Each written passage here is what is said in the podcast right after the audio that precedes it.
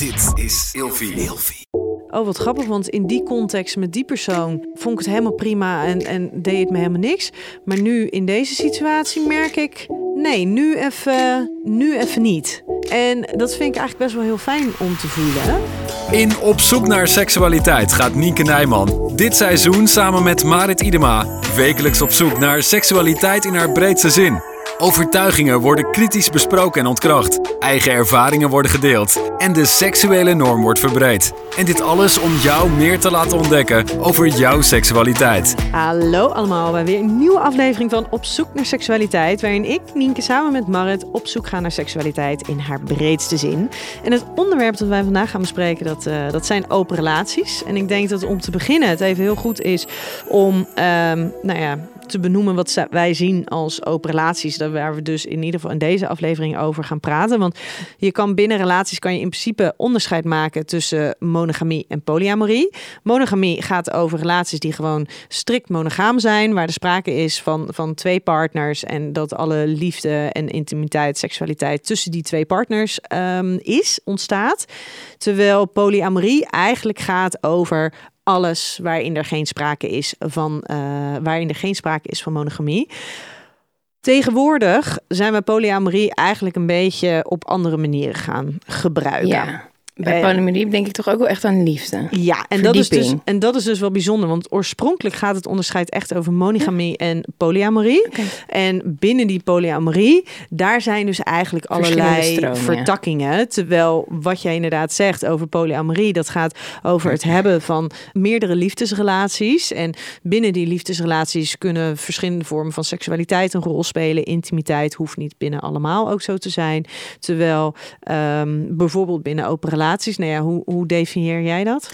Ik vind de open relatie eigenlijk, je bent monogaam in de liefde en uh, je gaat individueel op zoek daarnaast naar, naar seks. Af en toe of ja, heel vaak. En is het altijd individueel voor jou?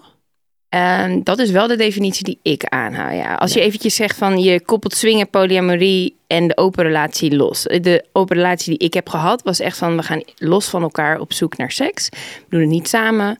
Uh, en in de liefde zijn we monogaam. Of althans, dat was de bedoeling. Ja, dus polyamorie gaat over um, daadwerkelijk ook liefdesrelaties met anderen aan mogen gaan. Verdieping. Uh, verdieping daar echt in zoeken en die emotionele uh, connectie ja. veel meer uitbuiten eigenlijk. Ja. Um, open relatie gaat over je bent samen monogaam in de liefde, maar seksueel gezien uh, mag, je, mag je allebei individueel gaan exploreren en onderzoeken en ervaren. En het swingen, dat is dan samen bewust het seksuele contact met andere stellen ja. opzoeken. Ja, yes. Ja. Wij gaan het dus echt specifiek hebben over open relaties. Stel, um, want jij zei net, ik heb een open relatie gehad. Ja. Um, is dat nog steeds gehad? Nou, ik heb wel, ik noem mijn relatie nu altijd de openhartige relatie. Dat is eigenlijk een soort van ja, term die ik zelf heb bedacht, omdat ik vind dat mijn relatie binnen geen enkel hokje past. Um, ja, wij, wij doen af en toe wel eens wat samen. Um, liefde, daar is geen ruimte voor. Uh, en we, we mogen ook in principe iets alleen doen. Alleen is het wel, ik heb eerder een open relatie gehad en toen ja, lag daar heel erg de. Uh, dat was heel belangrijk voor ons in die levensfase. Terwijl nu is het meer. Er is ruimte voor verlangens naar anderen toe. Maar het is niet zo dat dat centraal staat in onze relatie. Of dat we daar heel erg naar op zoek zijn. En eerder was dat wel echt zo. Mijn ex en ik waren echt daar wekelijks mee bezig met. Met, met anderen en uh, met daten daarnaast. En dat gebeurde ook heel geregeld. En nu is ja, de focus ligt daar niet meer. Maar ik heb wel een relatie waarin we zeggen van als je iets heel graag wil, is alles bespreekbaar. Ja, maar ik denk dat sowieso dat voor een nou ja, open relatie, in welke vorm dan ook, of als je het hebt over een polyamoreuze relatie, het veel meer moet gaan over, hey, als, als er dingen ontstaan, dan mag het. Maar niet bij uitstek vinden van dit is hoe wij onze relatie moeten indelen. En um, wij moeten hier dus ook actief naar op zoek gaan dan wordt het toch veel te soort van gekunsteld. Ja, het was niet zo dat wij zouden hadden, we moeten ernaar op zoek. Ik voelde echt heel sterk de drang om daarnaar op zoek te gaan. Ja. Nou. Hey, en stel jouw vriend nu zegt uh, toch een monogame relatie te willen. Wat doe jij dan?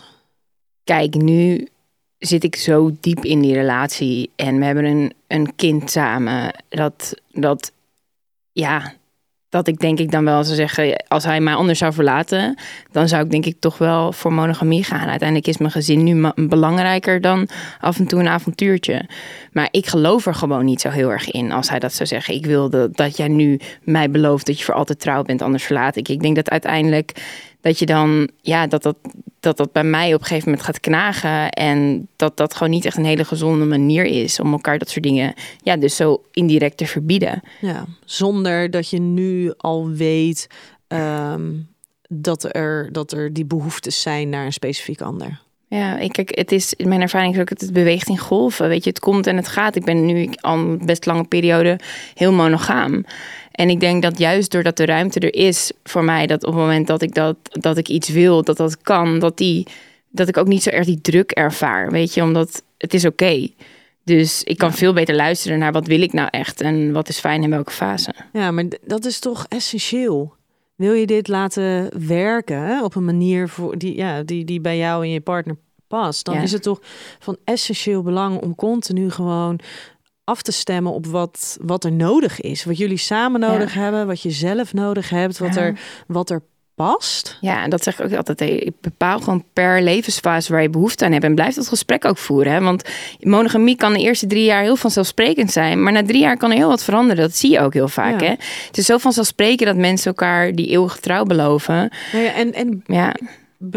doet dat dan iets af aan die eeuwige trouw als je afspraken maakt over hoe het ook anders mag? Nou ja, wat is eeuwgetrouw? Dat is natuurlijk ook. Je kan ook loyaal zijn naar je partner toe en wel seks hebben met anderen. Dat vind ik ook trouw zijn. Dus er zijn verschillende definities natuurlijk van trouw. Uh, ik vind trouw dat je ja, je aan je afspraken houdt en wat die afspraken ook zijn. Ja, en dat is, daar had ik laatst ook daar een heel gesprek over. Over van hè, wat er dan in je, in je, in je huwelijkse uh, gelofte en zo staat. En dat je inderdaad trouw blijft aan de ander. Dan denk ik, ja, maar als je, als je afspraken samen maakt. Dan ben je trouw. Dan ben je toch zeker. trouw. En, juist die verdieping daarin van dat ook toevertrouwen ja. aan elkaar. Ja, dat is mooi. En het werkt natuurlijk ook andersom. Hè? Ik had een open relatie, dus heel veel ruimte om seks te hebben met anderen, maar ik was alsnog ontrouw. Want ik hield me alsnog niet aan de regels. Nee. Ja, dus dat is, vreemdgaan ja. kent vele gezichten. en ontrouw ook. Dat is wel bijzonder. Dat heel veel mensen dan zeggen van... ja, maar het is toch een... Uh, hè, dan kan je, kan je niet vreemd gaan of op deze manier. dan, dan, Het is een, een goedgekeurde versie van vreemdgaan. Terwijl je kan ook binnen de afspraken die je maakt, kan je vreemd gaan. Want vreemd gaat over het niet houden aan de afspraken. Precies, ja. Dus als jij je dan niet houdt aan de afspraken, ga je alsnog vreemd. Zeker, ja. ja.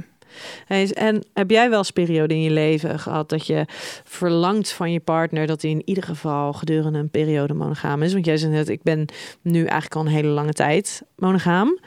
Ehm, dat is natuurlijk ook gewoon door het ziek zijn, de behandelingen, alles. Ja, ja, ik heb borstkanker en dat ja, dat, dat zet natuurlijk wel veel druk op je relatie. Er is helemaal geen ruimte meer voor zijn eigen seksleven. Ik bedoel, want tussen ons was het gewoon een hele lange tijd. Zeker toen ik uh, chemotherapie onderging, was er geen, geen ruimte voor seks.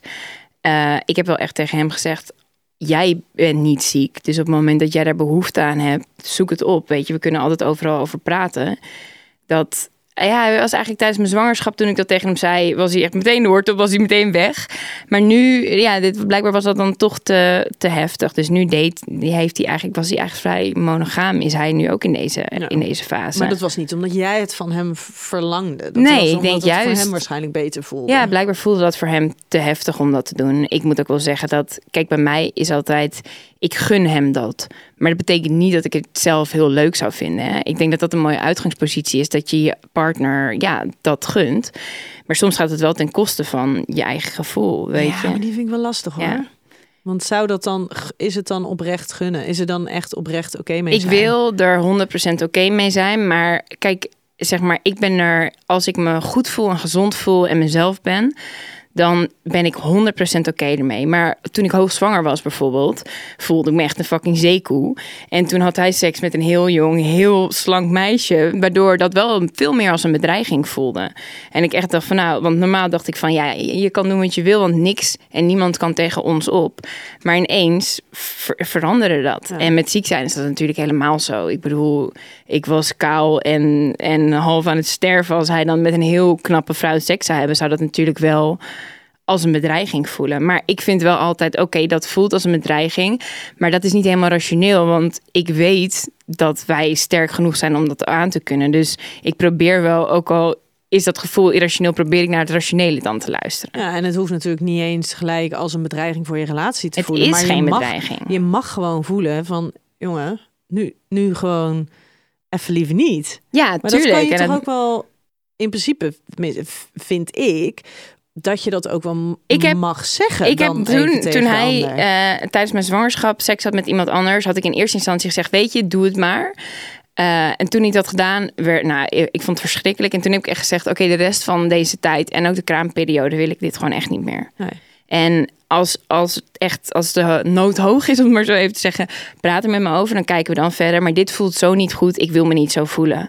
Weet je, dat ik gun je je plezier, maar niet ten koste van mezelf. Nee, maar dat is het hem. Dus Ja. je kan het de ander wel 100% gunnen. Maar als het voor jou op een gegeven moment gewoon echt niet goed voelt. ehm, om, hè, en, want, want jij zit niet lekker in je vel. Of je hebt de ander gewoon even nodig. Dan, dan vind ik wel dat je dat aan de ander mag vragen. Ja. En dan het eisen is weer wat anders. Zeker op het moment dat je weet dat iemand anders ook bepaalde nou ja, de, de, de dingen is aangegaan. Weet je, echt eisen van ja, maar ik wil dat je nooit meer contact hebt met de ander. Dat, dat vind ik dan weer lastiger. Maar wel vanuit het punt van ja, weet je, ik voel me hier gewoon echt niet oké bij. En dat ligt Ja. niet aan jou. Dit ligt niet aan het feit dat ik dit nooit meer wil. Ja. Maar nu even niet. Ja, maar je moet je best wel. Voor mij was het vet confronterend dat ik dat zo voelde. Want dat was Dat is niet wie ik ja. ben en helemaal niet wie ik wil zijn. Ik wil juist altijd daar ruimte voor hebben. En dat had ik ook tot, tot nu toe altijd. En ik denk dat dat toen ik ziek werd ook zo was. Weet je, wat ik wil en wat je voelt, dat is, staat niet helemaal in lijn. En ik denk dat ik. Ik was opgelucht toen hij zei: Ik heb daar geen behoefte aan. Maar aan de andere kant dacht ik ook: Ja, het is ook zo zonde. Weet je, het is wel een jaar van je leven. En als jonge man in de bloei van je, van je leven is het wel. Het is nogal wat om iemand dat zo'n lange periode te ontnemen. Ja, maar ehm, dat is natuurlijk ook weer gewoon iets wat erbij hoort. Tuurlijk, het het hoort erbij. Het hoort erbij. hoe En het leven gaat. Ja, en ik denk dat dat zoiets samen meemaken en dat dat, ja, dat monogamie dan eigenlijk wel het minst ingewikkelde is voor die fase. Ja. Gewoon even. Ja. Hey, ehm, heb jij jezelf wel eens betrapt op jaloezie? Nou, toen dus ja. En eerlijk, ik ben wel eens vaak jaloers, maar het is niet, zeg maar, andere mensen vinden het heel erg om jaloers te zijn, ik vind het wel lekker. Maar jaloezie, als je eh, dit hele idee van, ik weet niet of je het boek De Integere Slet hebt gelezen. Nee? Oh, dat is een heerlijk boek. Ehm Integere Slet, dat gaat erover. eh, eh, slet staat voor ehm, eh, heb lief wie je lief wil hebben, heb seks met wie je seks wil hebben. Maar daarbij wordt natuurlijk ook altijd een beetje de aanname gedaan. Dan ben je een slettenbak en you don't really don't give a fuck. En je deelt met iedereen het bed. Dus vandaar de integere slet. Want nee, en ik hou van seks en ik hou van meerdere Moraal. mensen. Maar ik ben hartstikke integer en ik maak heel bewust mijn keuzes en ik lig niet met iedereen in bed. En ik ben respectvol, ik communiceer goed, dus vandaar de integere slet. Ehm, maar daarin staat zo expliciet dat jaloezie is zo'n emotie die erbij hoort Ja. eigenlijk. En dat als jij nooit jaloers bent, dat dat eerder een, een soort van, nou ja, eh, teken van onverschilligheid of Ja. niet fully committed zijn, dan dat het iets slechts is. Want Ja. het zegt simpelweg, het zegt iets over jezelf, het zegt iets over je eigen behoeftes, je eigen verlangens, je eigen gemis, eh, je eigen idee. Ik bedoel, hè, wat jij net omschrijft, jij zat op dat moment, je was hartstikke zwanger, je voelde je hartstikke groot ehm, en, en je voelde ineens van alles waarvan je het helemaal niet gewend was om te voelen. Dus dat gaat heel erg over jou. Zijn gedrag was niet zo Nee, buitensporig. Dat was gewoon passend bij wat, wat die altijd deed. is alleen precies. Jij jouw verandert, ja. interpretatie ervan, hier bij jou. En zij zegt van ja, dus als je jaloers bent, het is gewoon een emotie die erbij hoort. Precies. En ja. op het moment dat je hem dat je begrijpt dat er dus iets is waar jij iets mee moet, eh, dat het dan onwijs veel kan opleveren. Ja, en ik vind het ook wel de ultieme bevestiging, hè, jaloezie. Dat, dat, er dus, dat je dus niet onverschillig bent. Ja, dat en ik ben, eh, zeg maar, ik ben iemand die zo niet jaloers is dat ik het af en toe ingewikkeld vind. Ja. Dat ik juist heel bewust die jaloezie opzoek. Dat andere mensen zeggen, ja, sport voor geen meter. Dat je jezelf in zo'n situatie plaatst. Maar dat ik, eh, voor mij is het belangrijk om dat te voelen. Omdat ik denk, oké, het zit goed tussen ons. En ik vind ook dat jaloezie daarom, als mijn partner seks heeft met iemand anders. En dat ik denk, hmm, niet heel chill. Maar aan de andere kant vind ik het dan toch ook wel weer. Het zorgt er wel voor dat ik daarna nog meer voor hem voel. En Ja. misschien ook weer juist nog meer tot hem aangetrokken voel. En dat ik juist zelf weer heel veel zin krijg in seks met hem. Nou, ik heb wel dat ik ben dus ook totaal niet jaloers. En ik ben dus inderdaad ook af en toe blij om te voelen dat, dat, dat iets me dus wel iets doet. Omdat ik dan echt zoiets heb van, oh, I do care. En wat voor dingen heb je het dan over? Nou, weet ik, dat zijn. dat is meer een soort van. Ja, dat vind ik eigenlijk heel lastig om nu iets te benoemen. Maar er zijn gewoon momenten dat ik gevoelsmatig denk. Ik ben het hier niet helemaal mee eens. Of. Oh, wat grappig, want in die context met die persoon vond ik het helemaal prima en, en deed het me helemaal niks. Maar nu in deze situatie merk ik, Hmm, nee, nu even, nu even niet. Ja. En dat vind ik eigenlijk best wel heel fijn om te voelen. Want dan denk ik, oh ja, maar ik vind dus niet alles goed. Nee, want het is helemaal. Want mensen zeggen ook wel, ik zou relaxed om helemaal niet jaloers te zijn. Maar tijdens mijn hele eerste relatie met mijn ex was ik nooit jaloers. En dat is echt niet fijn. Nee. Het zegt denk ik ook wel iets over je gevoel. Denk je? Als je Ehm. helemaal nooit jaloers bent. Ja, weet ik niet. Want ik heb er eerder met Ramon hele gesprekken over gehad. Die zegt namelijk nooit jaloers te zijn. Maar er zijn wel momenten dat dingen wringen.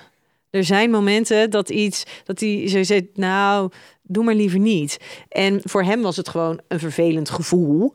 En vervolgens in het gesprek was dat, ja, maar als, wat nou als die momenten, dat, dat het dan dus om jaloezie gaat. Maar omdat je dus zo gewend bent om jaloezie als iets negatiefs te zien, ehm, iets wat je niet mag voelen of dat, je, dat, je, dat dat ten koste gaat van je relatie, dat, dat je dat gevoel, wat dus wel degelijk voortkomt uit jaloezie, eh, gewoon niet als dusdanig durft te bestempelen. Ja.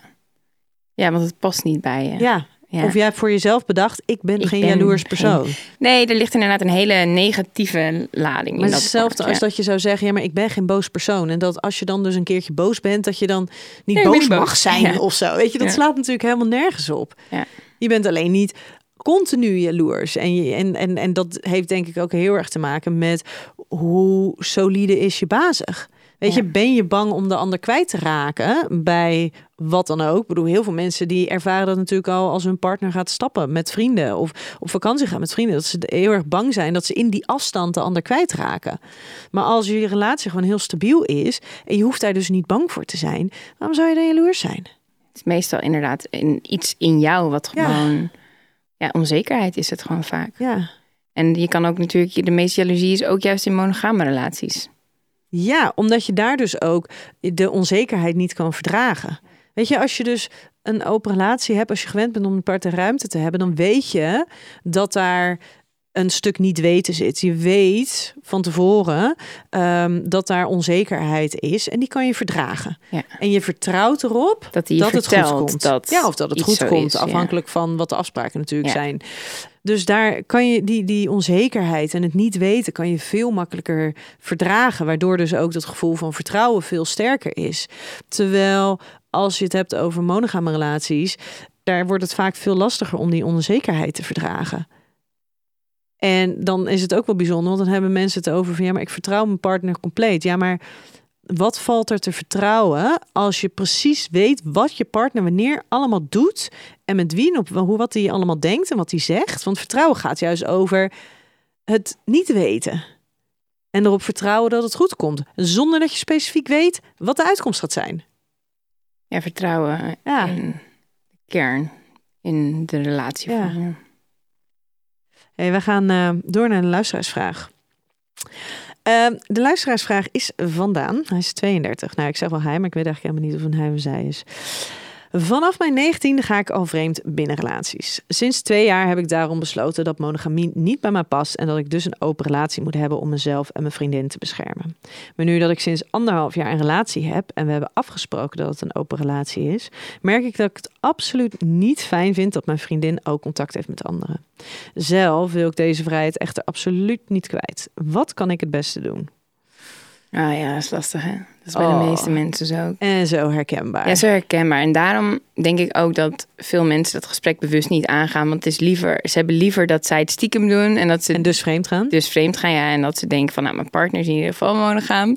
Want dat is ook gewoon een spagaat waar wij mensen in zitten. Dat aan de ene kant willen we het zelf wel heel graag, maar vatten we het enorm persoonlijk op als de andere doet. Bizar hè? Ja. Als het dan inderdaad gaat over wat we zelf willen en onze eigen niks met de partner te maken. Heeft niks met de partner te maken. Heeft gewoon Maar- over onszelf en over Oh, ons persoon wee. onze eigen Ja. behoeften. En inderdaad, als onze partner dan iets, iets, iets zou doen met een ander, dan Dan voelen we ineens van, oh ja, maar ik ben dus niet goed genoeg. Of vind je me nog wel aantrekkelijk? Of Ja. jeetje, dat is, nou, als we het even over hypocrisie hebben, Ingewikkeld. daar hebben we er weer eentje. Ja, echt. Ja. Dat is eigenlijk ook zo. Maar ik denk wel dat als je het hebt over redenen om ehm, te besluiten dat je in een niet-monogame relatie wil zitten, dat dat al echt er heel erg toe doet oh, voor hoe het proces verloopt. Want als jij inderdaad zegt, ja, maar ik ga altijd vreemd en ik wil dus, eh, ik wil eigenlijk dus een vrijbrief hebben om dat hetzelfde gedrag te blijven doen zonder dat ik als vreemdganger word bestemmeld. Denk ik, ja, maar dat is dus geen goede motivatie om een open relatie aan te gaan. Nou, het is wel, je hebt, het, het, het is wel, je hebt wel zelfinzicht. Ik wou echt iets heel lulligs zeggen. Wat wil je zeggen? Nou, nou ja, ik wou iets zeggen in de trant van je, je hebt dan wel het zelfinzicht dat je je dus kennelijk niet aan afspraken kan houden, dat je eh, egoïstisch beslissingen kan maken ten koste van een ander. Dat wilde ik zeggen, maar dat is natuurlijk een beetje eh, te ongenuanceerd. Ja. Kijk, eigenlijk, eh, eh, ik ken wel bijvoorbeeld iemand die, ehm, die dus zijn hele leven lang enorm heeft gestruggeld met relaties, altijd vreemd ging en dan nu die een relatie heeft waarin het mag, eigenlijk voor het eerst zoiets heeft van wow, de druk is van de ketel. Eh, is ook een beetje een autoriteitsprobleem, hè, wat sommige mensen zeggen. Op het moment dat het niet mag, wordt het ineens spannend, wil je het en speelt het een enorme rol. En dan ga je iemand bedriegen, terwijl als iemand je de ruimte geeft en het in principe mogelijk is, dan is ook een beetje ja. Dan, dan, dan, wordt is het misschien- minder interessant. dan wordt het minder interessant, inderdaad. En het is wel een manier om ja, je relatie een echte kans te geven, misschien Ja. zelfs wel. Ja, ja, weet je, maar het is natuurlijk het is heel erg verschillend. Hè? Want op het moment dat jij dus gewoon iemand bent die heel erg geniet van contacten met nieuwe mensen, die heel erg geniet oprecht van het, van het flirten, van eh, dat, dat stukje seksualiteit, sensualiteit in jezelf voelen en dat kunnen delen met anderen. Dan heb je natuurlijk een hele andere situatie dan wanneer jij bijvoorbeeld gewoon elke keer weer vreemd gaan vanuit eh, deze zelfdestructief gedrag of vanuit de angst om te hechten. Want op het moment dat jij een open relatie hebt eh, en jij hebt een enorme eh, eh, bindingsangst, een open relatie gaat dat voor een heleboel mensen helemaal niet beter maken. Want Nee. juist de basisrelatie vraagt dan zoveel commitment en binding Ja, dat het lijkt dan misschien van ja, maar dan heb ik ook nog andere mensen op wie ik mijn aandacht kan richten en dan hoef ik, zit ik niet zo voor mijn gevoel vast aan één persoon. ja. Maar het is natuurlijk veel complexer.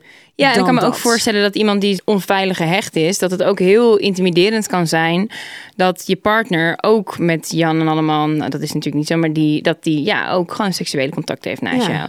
Dat, mijn, dat is bij mijn huidige partner ook zo. Die heeft een hele moeilijke jeugd gehad. Dus voor hem voelt het wel vaak heel onveilig. eh, die, terwijl die zelf dat wel heel graag wil, maar dat ik het ook wil, dat heeft heel lang geduurd voordat hij daar oké mee was. Omdat Ja. hij dus die onveilige hechting heeft. Ja. En dat is zo lastig, want dan is hij er dus oké mee.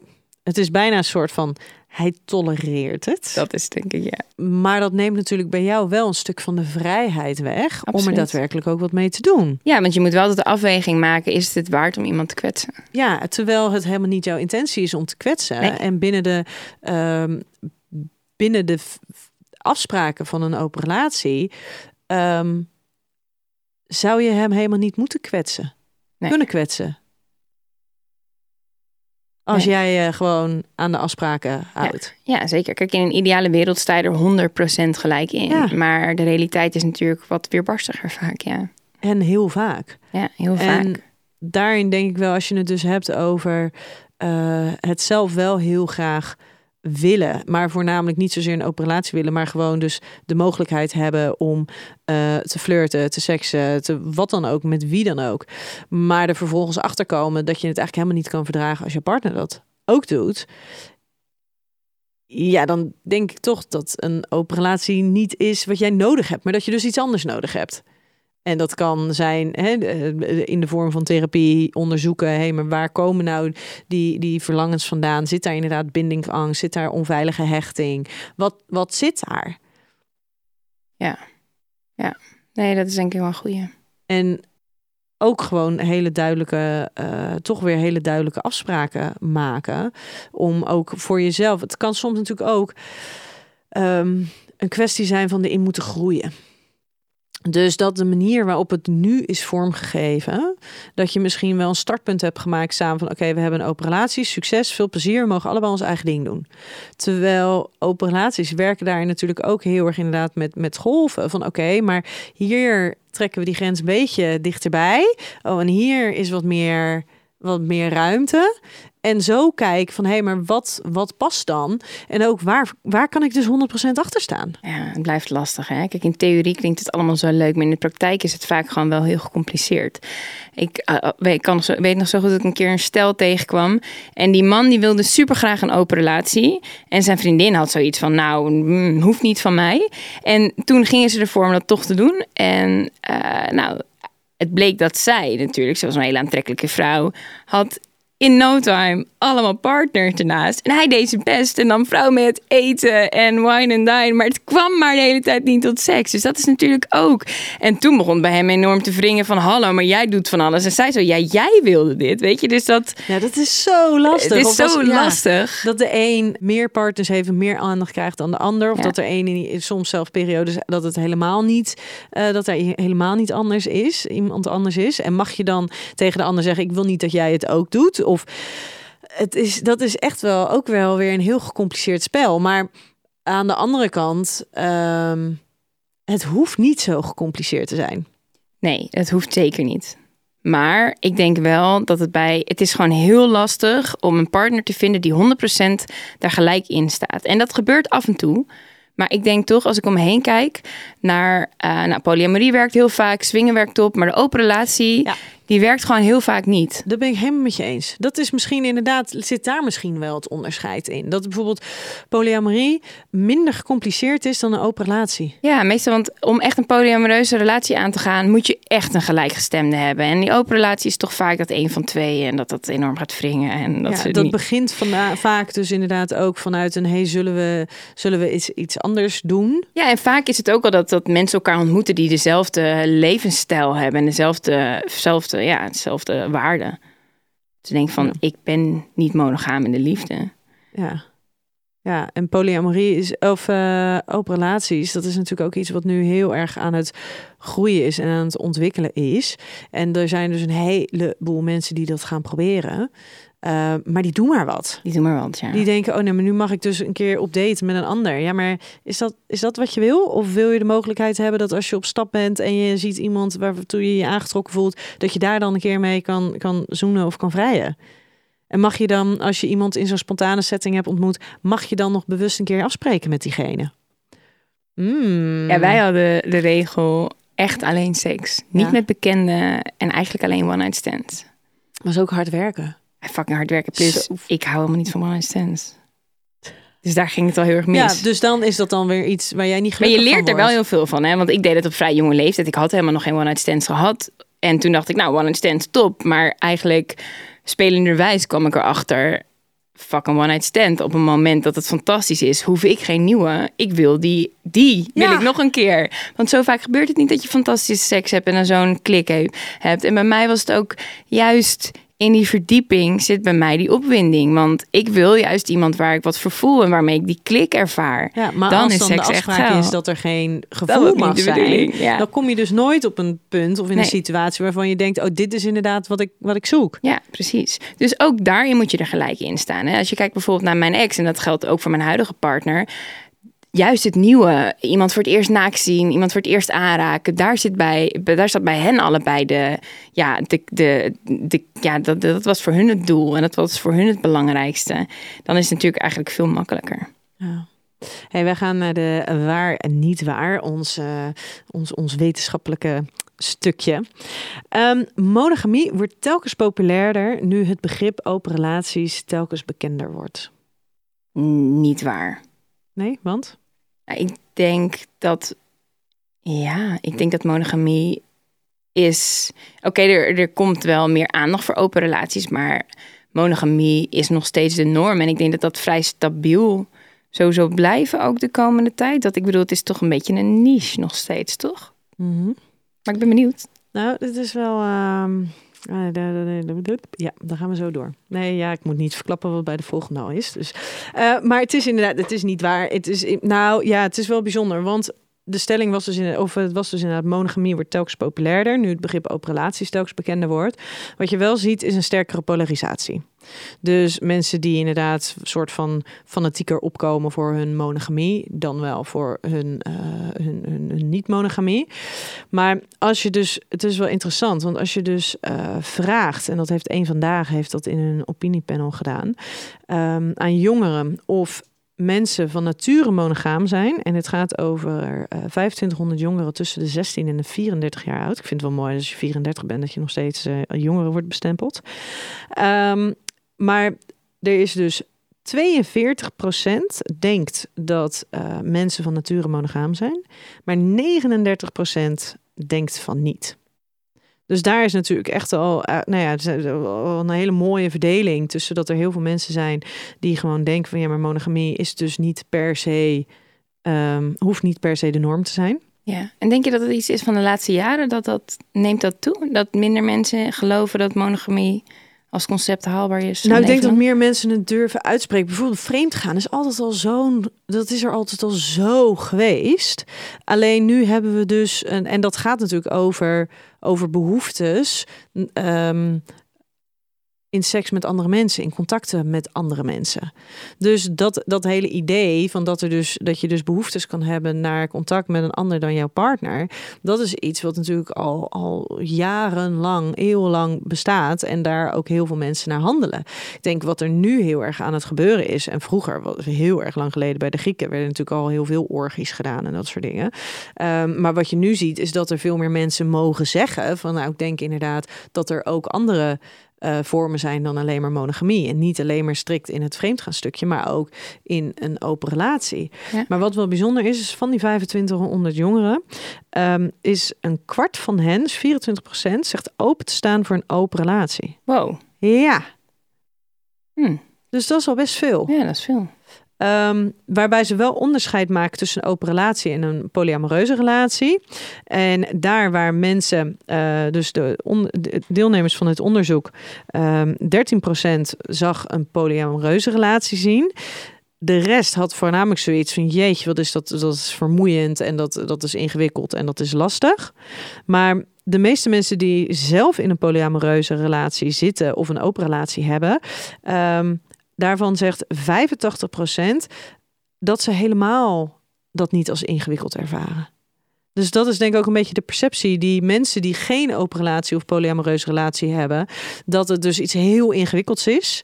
En dat de mensen die erin zitten ervaren dat het helemaal niet zo heel erg ingewikkeld is. Ja, dat kan ik me wel goed voorstellen. Kijk, je denkt natuurlijk één vriendin is al ingewikkeld als je er twee hebt, jezus. Maar ja. zo werkt het vaak niet. Maar het is ook een, het, ja. wat daarin natuurlijk ook zit, um, afwisseling van, van behoeftes. Je, bent, je stelt niet één partner verantwoordelijk voor al je, je behoeftes. ja. Je zoekt ja. iets in verschillende mensen. Op zich is dat sowieso een mooi uitgangspunt natuurlijk. Ik vind dat wij veel te veel alles willen vinden in één persoon. Ja. Dat is natuurlijk helemaal niet realistisch. Terwijl tegelijkertijd, bijvoorbeeld door de vriendschappen die we hebben, um, doen, we, doen we dat ook alweer op een hele andere manier. Je hebt niet met al je vrienden dezelfde relaties. Je hebt niet met al je vrienden dezelfde gesprekken of activiteiten die je onderneemt. Maar binnen ons partner willen we het allemaal. Denk je dat het ook, ik bedoel, we groeien, onze generatie, maar ook de generatie onder ons, we groeien wel steeds meer op met relaties zijn eindig. Ik bedoel, kijk om je heen om nu nog echt te geloven in een langdurige monogame relatie, dat, dat, dat is bijna onmogelijk, omdat je om je heen zo vaak het tegendeel wordt bewezen. Nou, er is natuurlijk een enorme uh, shift waarin. Ehm, mensen veel meer keuze hebben en de beschikbaarheid van eventuele andere partners is veel groter. En, we zijn en onze ouders gaan zo vaak uit elkaar.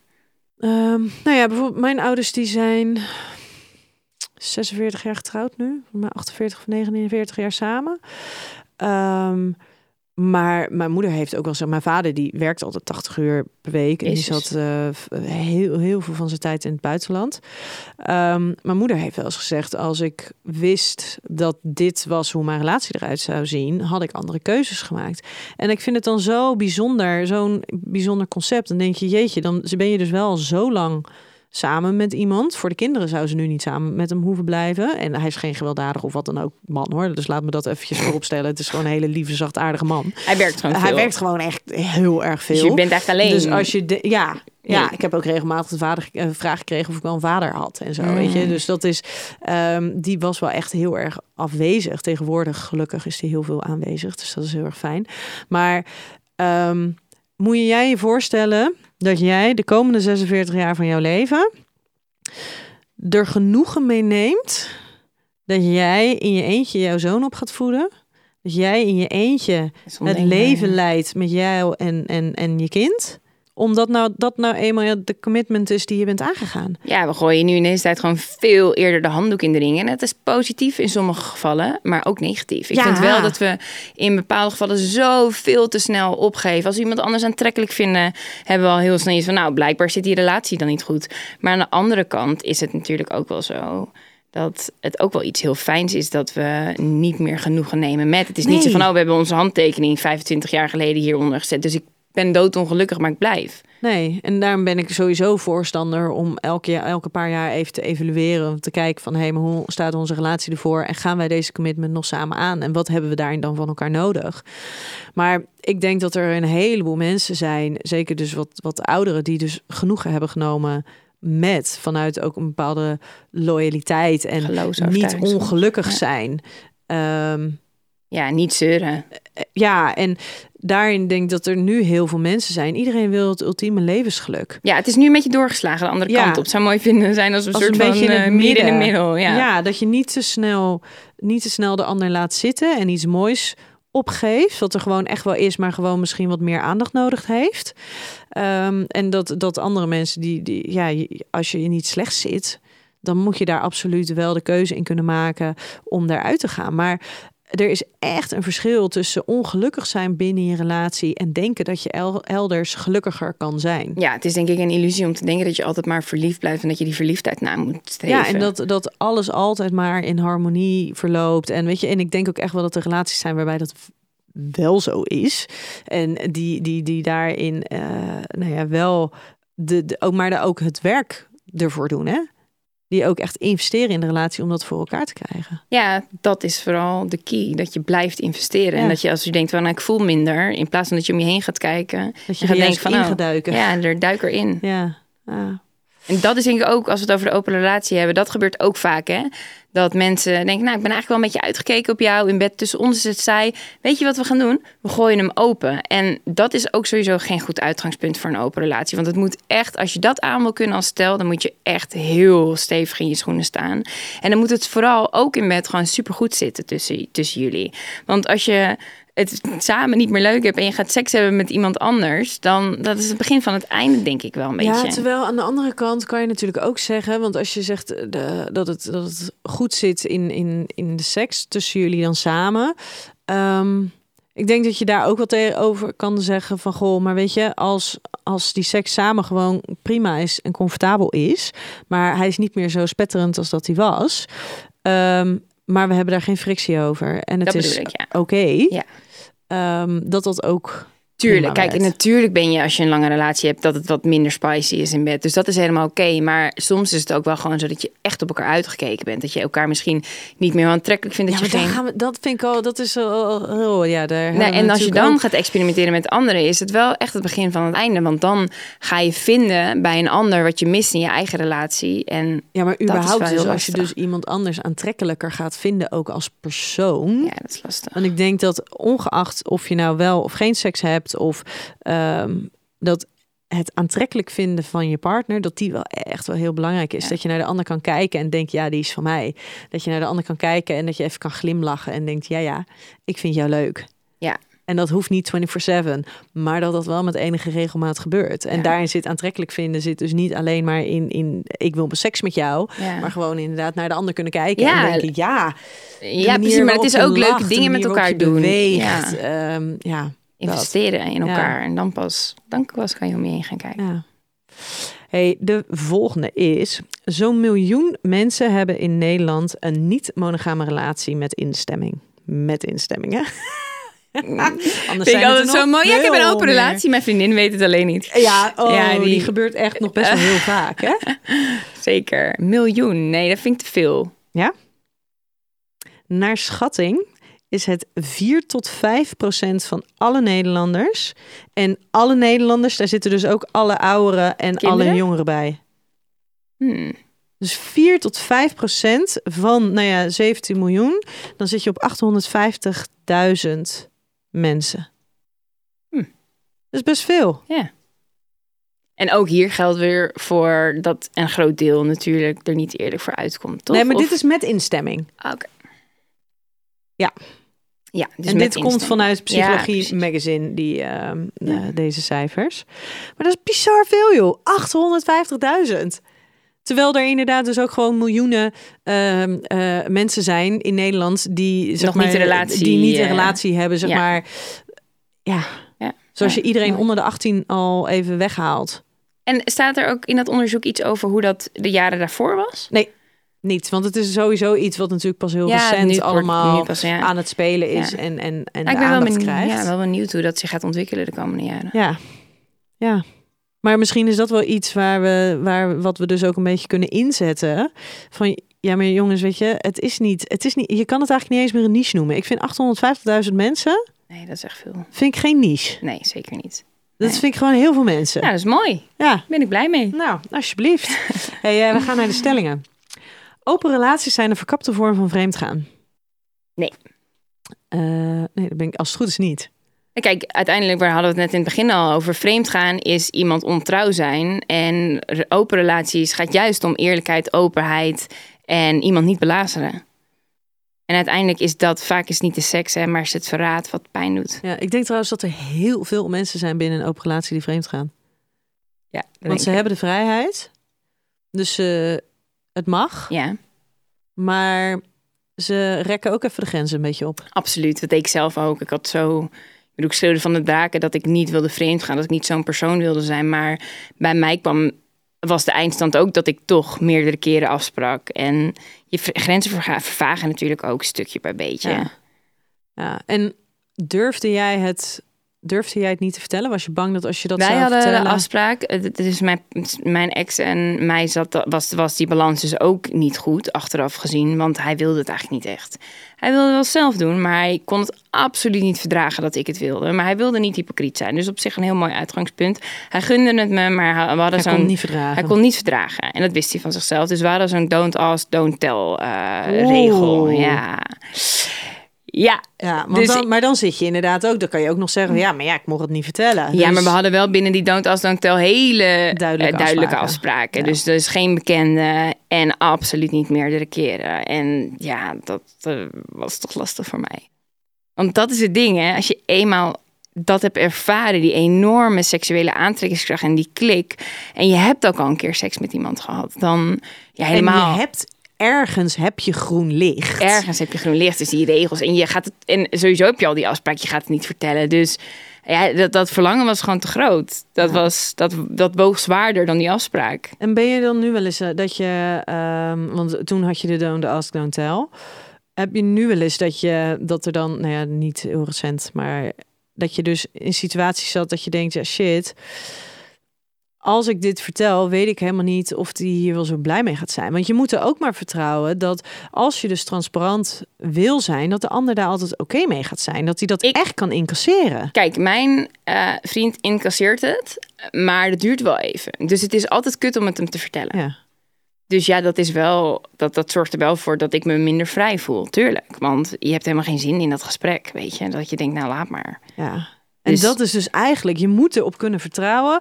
Alles wat ik zeg, ehm, alles wat ik doe en vervolgens dus terugkoppel, dat de, de ander moet daar echt gewoon helemaal oké mee zijn. Die moet dat, en sommige dingen mogen wel eventjes wringen. Kijk, dat is Maar het. moet je vervolgens wel ook weer kunnen oppakken en moet je niet kwalijk Ja. genomen Nee, maar worden. dat doet hij helemaal. Maar hij moet dat wel even verwerken elke Ja. keer dan. Dat hij denkt van oké, weet je, het is wat ik... Terwijl andersom, als hij mij iets vertelt, dan kan ik dat echt leuk vinden. Dan ben ik geïnteresseerd in details, dan wordt het een leuk gesprek. Maar hij vraagt ook wel naar details. Maar hij wil ze eigenlijk helemaal niet horen. Dus dat is een heel andere Maar beleving. vertel jij het dan wel? Of zeg je Ik dan, vertel alles, je wil hij- dit eigenlijk helemaal niet weten, dus ik ga het je helemaal niet vertellen. Nee, want hij wil het weten. Dat is maar ben je dan niet bang dat het vervolgens tegen je wordt gebruikt? Nee, want dat of doet hij hij er niet. last van krijgt? Dat, dat doet hij niet. Nee, maar Hij- dat het in hem gaat zitten, dat hij er last van krijgt. Ja, dat is natuurlijk ook je, eh, je experimenteert een beetje daarmee. En nu inmiddels na zoveel jaar weet ik van, oké, hij heeft dat nodig. Hij wil echt de full picture. Hij wil bij wijze van spreken weten hoe zijn ballen eruit zagen. Ja, maar wat nou als hij dan vervolgens denkt, ja, kut, maar dan, dan oké, bij hem ziet het er dus zo uit. Eh, dat weet ik nu. En dan zou je het bij mij vast minder vinden. Dat zou kunnen, maar ik heb wel uit ervaring nu weet ik dat dat, dat niet is hoe het werkt bij hem. Hij wil het gewoon allemaal weten. Hij wil het voor zich zien. Hij kan niet tegen eh, dat hij dingen niet weet. Dus dat is van voor hem heel belangrijk. Maar vind ik dat een leuk gesprek? Nee, dat vind ik echt een vreselijk gesprek. Terwijl andersom, wijntje erbij, toastje erbij, bij wijze van spreken. en dan is het leuk. setting. Ja, Maar kan je dan ook niet beter dan afspreken van oké, we eh, dat je dus en je moet dat kijken wat voor, voor jullie natuurlijk allebei werkt, maar dat je dan zegt oké, maar we spreken af eh, dit hè, we spreken inderdaad af of we vertellen het wel of vertellen het niet, Ehm, of dat je zegt van hé, hey, we hebben het erover. Op het moment dat we even echt tijd samen hebben en dat we ontspannen zijn en we drinken er een wijntje bij en dan hebben we er een gesprek over in plaats van dat het op de maandagochtend is. Nou, vertel maar wat je hebt gedaan. ik zou dat het liefst willen. Maar voor hem, hij wil het het liefst gewoon zo snel mogelijk weten. Omdat hij die onzekerheid vervelend vindt. Ik denk dat dat ergens, weet je, dat als je dus, hij, die onveilige hechting. Ik denk dat dat ergens mee te maken heeft. Hij wil gewoon, als er iets is gebeurd, wil hij dat eigenlijk het liefst dat ik hem meteen bel. Nou, hij is klaargekomen en dit en dit en dit en dat was, eh, was, was de deal. Zodat hij daar gewoon, zodat het even kan landen. Zodat hij daar, terwijl ik er niet bij ben, heel eventjes dan kan denken. Oké, adem in, adem uit. Het boeit niks. Eh, Ze gaat niet bij me weg. Wat wij hebben is sterk. En dat, dat, dat is voor hem gewoon, dat is de manier waarop hij daarmee dealt. En Ja. dat is misschien niet ideaal, maar het werkt uiteindelijk wel. Ja. En ja, uiteindelijk, weet je, je moet ook roeien met de riemen die je hebt. Ja, ik Ja. zou ook liever willen dat hij de vlag uithing. Maar zo zit hij niet in elkaar. En hij, dat, ik vind het op zich al een heel mooi uitgangspunt dat hij ehm, zijn eigen gevoel, hij wil dat niet voelen, maar hij voelt dat, maar hij is wel bereid om dat eigen gevoel, hij weet dat dat hypocriet is. Dus hij is wel bereid van, oké, weet je, ik slik even. In Ik theorie ben ik het 100% met je eens. Echt, ik vind het fantastisch allemaal. Maar Maar gevoelsmatig. gevoelsmatig doet het toch elke keer dat ik denk, oké, slik. Ja. En, maar dan is het wel binnen twee uur eruit hoor. Dat is echt gewoon, het speelt voor de rest geen rol en hij zou het nooit tegen me gebruiken. Mocht je een open relatie willen, dan heb je een eh, Champions League aan communicatieskills nodig. Ja, Absoluut.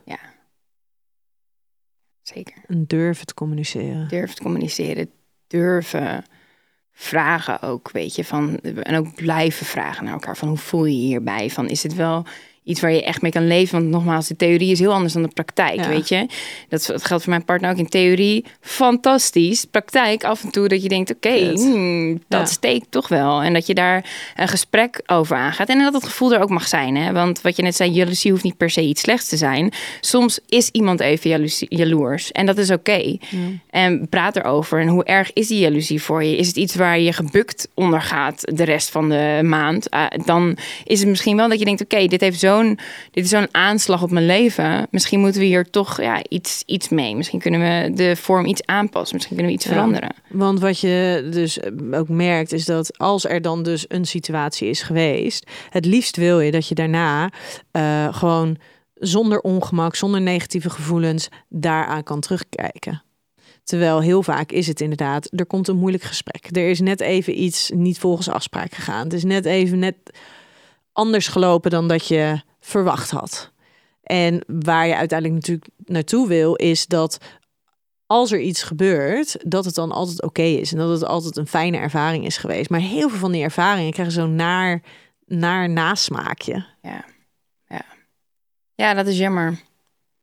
Ja, dat is ook jammer. Maar ik denk wel dat uh, dat ook wat zegt over van hé, hey, we zijn er nog niet. We hebben nog niet helemaal de modus gevonden um, waarop dit dus werkt. Want het is, het is een onwijze trial and error en maatwerk.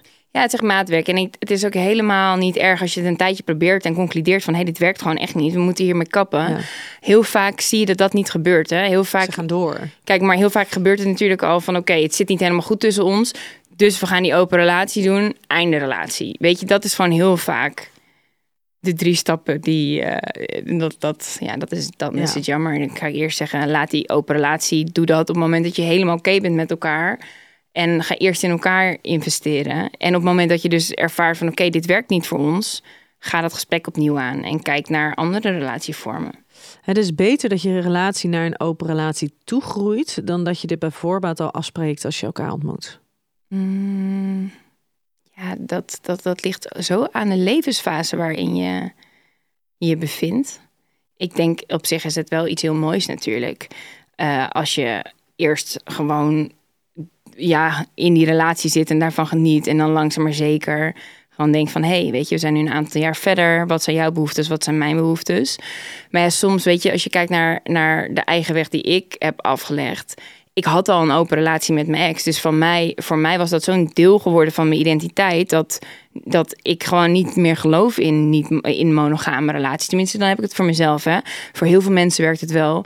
Maar ik dacht niet, ik, ik wil mijn leven lang monogaam zijn. Dus ik begon dat gesprek eigenlijk al helemaal aan het begin te voeren. Omdat ik gewoon dacht van ja, dit is hoe ik over denk. Ik wil wel zeker weten dat ik met een gelijkgestemde uh, in zee ga. Mhm. Want dat is natuurlijk wel heel lastig op het moment dat het voor jou heel belangrijk is en iemand staat lijnrecht tegenover je. Dan zou ik dat gesprek meteen in het begin voeren. Maar het is natuurlijk ook weer aan de ene kant zonde om te zeggen van hé, hey, we vinden elkaar nog fucking, we zijn smoorverliefd op elkaar en dan meteen met anderen bezig. dat is eigenlijk heel zonde. Het is zonde van die eerste verliefde fase, want het is een hele mooie manier om je relatie op te spicen en ook weer om elkaar te vinden en te verdiepen. Maar ik denk niet per se dat je seks met anderen hoeft te hebben in die beginfase. Want dan heb je nog, ik bedoel, dan ben je toch helemaal, ga je toch helemaal in elkaar op. Ja, en dan, dan moet je samen eigenlijk genoeg aan elkaar hebben. Ja. Zeker in het begin. Zeker. Nee, en neem daar ook de tijd voor. Weet je, je hebt nog, als het goed is, heel veel jaren met elkaar om van alles te doen. Je wil ook niet meteen alle, alles uit de kast hebben getrokken. Want dan ben je, dan ben je na vijf jaar klaar. ja. Nee, maar ik denk wel dat, het, dat er wel echt iets heel moois zit in het erin groeien. Omdat je dan veel beter kan afstemmen. Hé, maar wat zijn, wat, wat kunnen wij samen aan?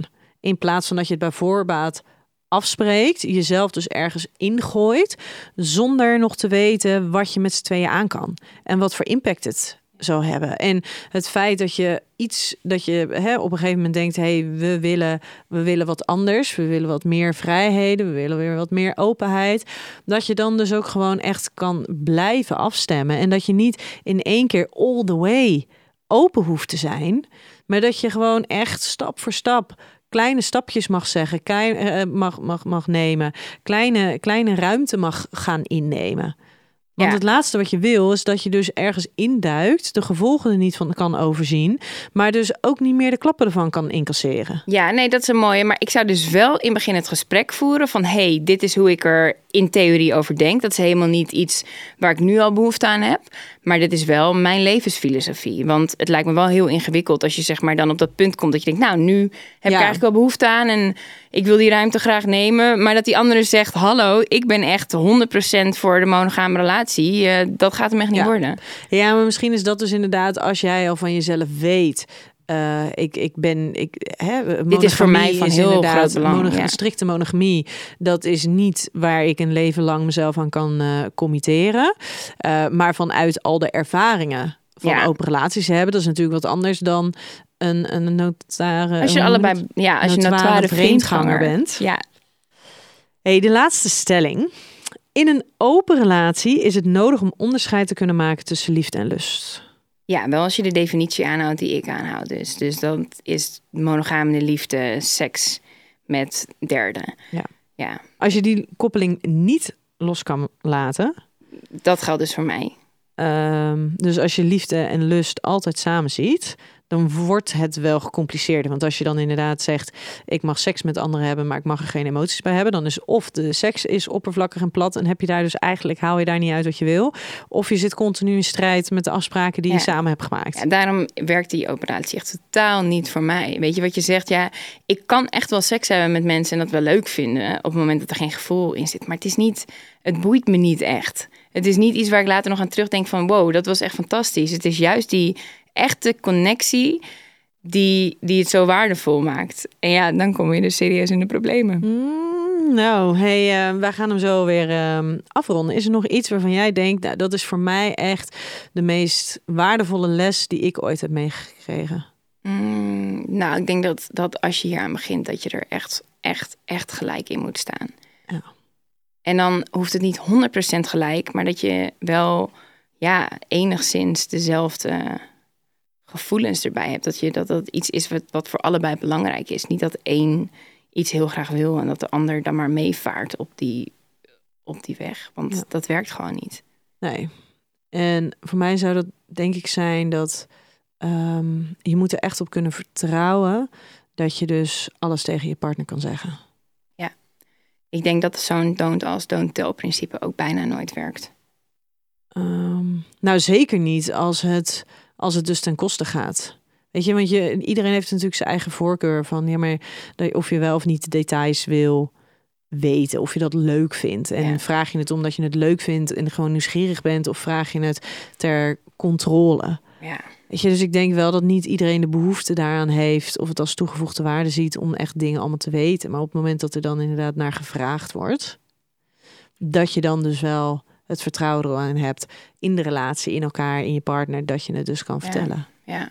ja, en het vertrouwen in elkaar. Ik denk dat dat ook heel belangrijk is. Dat je gewoon wel gewoon weet van wij zijn de basis.